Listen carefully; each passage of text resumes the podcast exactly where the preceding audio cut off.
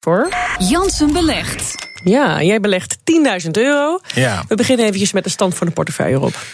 3,1 procent in de plus. Netjes. Um, ja, er zijn heel veel. Um, uh, ja, ik zie dat uh, bijvoorbeeld mijn. Uh, ja, AB InBev, de grootste brouwer ter wereld. Daarvan loopt het verlies terug. Dat ging in het begin heel hard. Toen in het, uh, in het rood gedoken. Heeft het heel moeilijk gehad. Nou, 5,7% lager. Maar ik zie daar wel een, een, een verbetering in. Mm -hmm. Enig um, idee waarom dat bedrijf het moeilijk had en het nu beter gaat? Is nee, daar niks over te zeggen? Echt, nee. niet echt. Ik, uh, het is heel moeilijk. Ik dacht op een slim moment te kopen, namelijk uh, uh, AB InBev heeft een hele gro grote overname gedaan, een tijd geleden alweer. dat was Saab Miller en daarna is de koers heel erg geda gedaald en bleef ja, op dat lagere niveau liggen. Toen dacht ik van nou goed dividendrendement, goed bedrijf, uh, nu kopen en dan gaat het omhoog. En dat, in het begin ging het ook omhoog. Dus ik dacht, ik heb het goed gezien. Uh, maar je hebt het nooit goed gezien.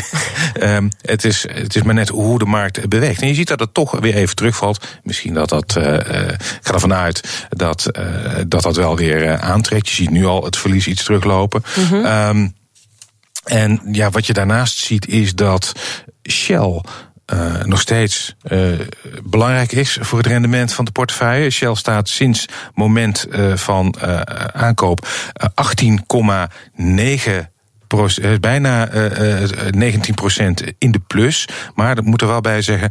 Uh, ik heb inmiddels ook zo'n 30 euro in totaal van zowel AB, InBev, Shell en ABN AMRO dividend ontvangen. Dus dat zit niet uh, uh, in, in, in, die percentages per fonds. Dat zit overigens wel in die 3,1 procent. Um, wat eigenlijk ook wel best wel lekker gaat, is Apple. Staat bijna 4 procent in de plus op het moment dat ik het heb gekocht.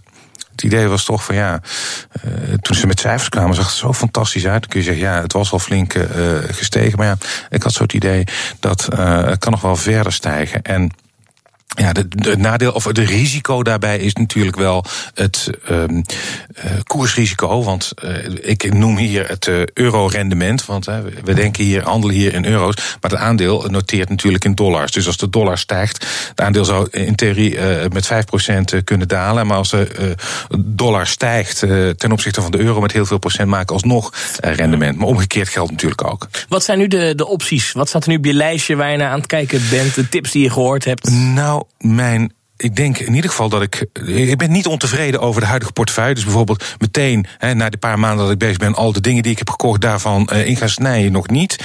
Um, ik denk dat technologie, en dan meer in de kant van de chipmakers, toeleveranciers voor de chipindustrie. ASML.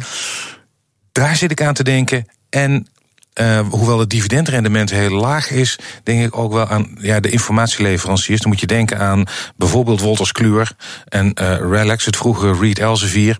Waarom kies je daarvoor dan als het rendement zo laag is? Nou, daar zit misschien nog wel uh, koersrendement uh, in. Ik heb wel vertrouwen op de lange termijn dat die informatieleveranciers, want dat zijn geen boekenuitgevers meer, die maken software voor uh, grote bedrijven, juridische software, fiscale software, software voor accountants. Dus het zijn hele grote spelers. Ik denk dat dat ook wel een, een steady business is. Hm. Daar, daar kijk ik ook naar heen. Ga je dat komende week doen dan?